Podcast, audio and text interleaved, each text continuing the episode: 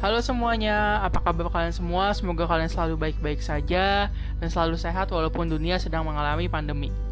Kembali lagi sama saya Nagawatri Mantara di podcast yang membahas perihal kepenulisan dan motivasi diri. Beberapa waktu yang lalu saya baru dapat DM di Instagram, katanya gini, Kak, aku kayaknya kena white block deh, gimana sih cara keluar dari white block? Oke, dan saya berinisiatif untuk membuatnya dalam podcast. Kenapa? Karena sebenarnya banyak teman-teman yang sedang mengalami vital block. Saya juga banyak dapat WA menanyakan hal serupa. Juga kemarin diundang sebuah seminar untuk membahas vital block. Jadi saya rasa kayaknya vital block ini merupakan momok bagi penulis deh. Karena semua orang pernah mengalami vital block. Saya juga pernah bahkan cukup sering mengalami vital block. Oh ya, untuk teman-teman yang nggak tahu atau belum tahu apa itu writer block, jadi writer block itu adalah kondisi stagnan dari seorang penulis, di mana saat penulis tidak tahu apa yang harus dia tulis atau penulis tidak tahu bagaimana cara dia menulis sebuah topik, itu biasanya kami sebut dengan writer block. Writer block apakah hal yang wajar? Ya jelas, writer block merupakan hal yang sangat-sangat wajar. Seorang penulis, apalagi penulis pemula, itu paling sering kena writer block tapi menjadi tidak wajar di kalau misalnya penulis yang kena writer block nggak bisa keluar dari writer block atau nggak tahu bagaimana cara untuk keluar dari writer block. Oleh karenanya hari ini kita akan bahas bagaimana cara untuk keluar dari writer block agar kalian atau penulis-penulis ini baik penulis baru maupun penulis yang udah senior kalau misalnya mengalami writer block tahu nih gimana cara untuk keluar dari writer block itu. Oh ya, tips yang saya bagikan ini adalah tips yang saya lakukan kalau misalnya saya kena white block.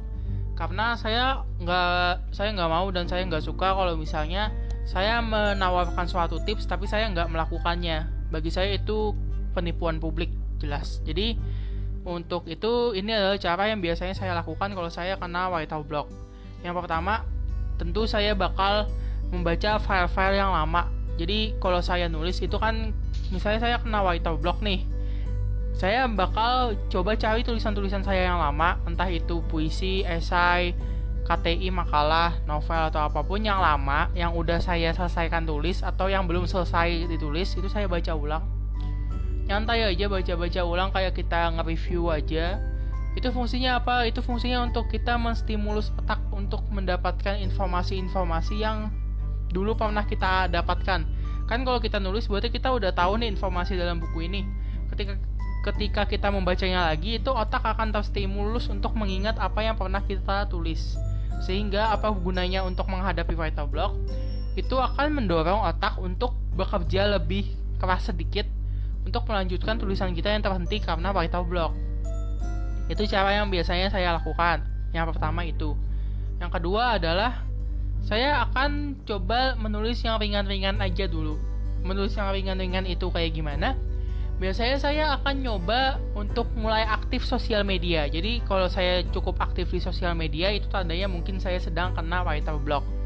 Saya bakal lebih sering ngepost story, ngepost postingan feed IG atau ngepost di Facebook atau teman-teman bisa juga nge-tweet di Twitter tentang apa pun. Kalau saya biasanya saya sendiri itu biasanya lebih banyak ke puisi atau prosa. Itu biasanya kalau saya lagi kena writer block saya bakal nulis puisi prosa di story Instagram atau di story WA atau biasanya saya digabungkan keduanya dan itu itu secara tidak langsung akan membuat otak relax dan biasanya kan ada yang komen nih um, ini dia paling sering itu komen cie galau atau enggak ih untuk siapa nih?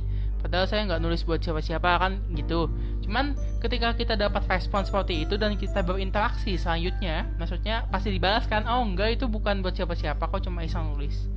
Itu kan akan terjadi komunikasi berlanjut dan itu akan membantu otak untuk me mengkonferensikan apa yang kita lihat dan apa yang kita rasakan dari um, percakapan tersebut di mana itu akan membuka uh, memori masa lalu biasanya. Memori-memori yang ada atau um, lebih kayak imajinasi-imajinasi masa lalu itu juga akan terbuka dan itu akan mendukung kita untuk menulis yang ketiga yang biasanya saya lakukan adalah tentu saya akan lebih banyak membaca jadi Kenapa saya katakan lebih banyak membaca? Ini biasanya terjadi pada penulis-penulis yang sedang mencoba menulis berat. Misalnya teman-teman yang sedang berkutik dengan laporan, dengan um, FPP mungkin bagi teman-teman yang bekerja di dunia pendidikan atau skripsi, jurnal, tesis, makalah, esai dan lain sebagainya sesuatu yang non ilmi, non fiksi sorry, sesuatu yang non fiksi atau sesuatu yang ilmiah itu lebih sering menghasilkan writer block bagi penulis penulis apa pun itu. Kenapa? Karena ketika kita menulis non fiksi itu kita perlu data, kita perlu latar data yang kuat, kita perlu background yang kuat dari apa yang kita teliti. Dan ketika data kita kurang kuat, itu biasanya kita langsung kena writer block. Itulah alasan kenapa saya menyarankan teman-teman untuk membaca lebih banyak tentang apa yang kalian ingin pelajari agar writer block kalian dikarenakan kurang bahan ini bisa terobati dengan sendirinya. Terus yang selanjutnya apa? Oh ini berarti yang keempat ya. Jadi yang keempat adalah uh, ketika teman-teman kena writer block dan tidak bisa selesai dengan cara 1, 2, 3 yang tadi saya sebutkan, oke, okay, stop dan coba istirahat dulu deh. Maksudnya istirahat itu kayak gini. Biasanya mungkin teman-teman nulis dari pagi sampai sore mungkin dari jam 8 pagi sampai jam 5 sore kerjanya depan laptop nulis itu mungkin benar-benar tubuh Anda sedang jenuh bukan cuma otak Anda dan kreativitas Anda yang sedang jenuh tapi mungkin saja tubuh Anda sedang jenuh. Jadi saya minta coba untuk istirahatkan tubuh Anda. Cukup.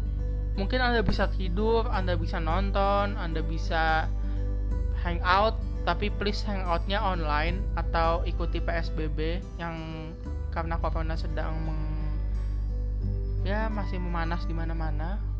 Atau teman-teman bisa coba untuk berinteraksi dengan komunitasnya, organisasinya, masuk ke organisasi kepenulisan, or lakukan hal yang benar-benar mengalihkan Anda dari kepenulisan. Kenapa? Karena biarkan tubuh mu untuk beristirahat dari dunia kepenulisan dulu.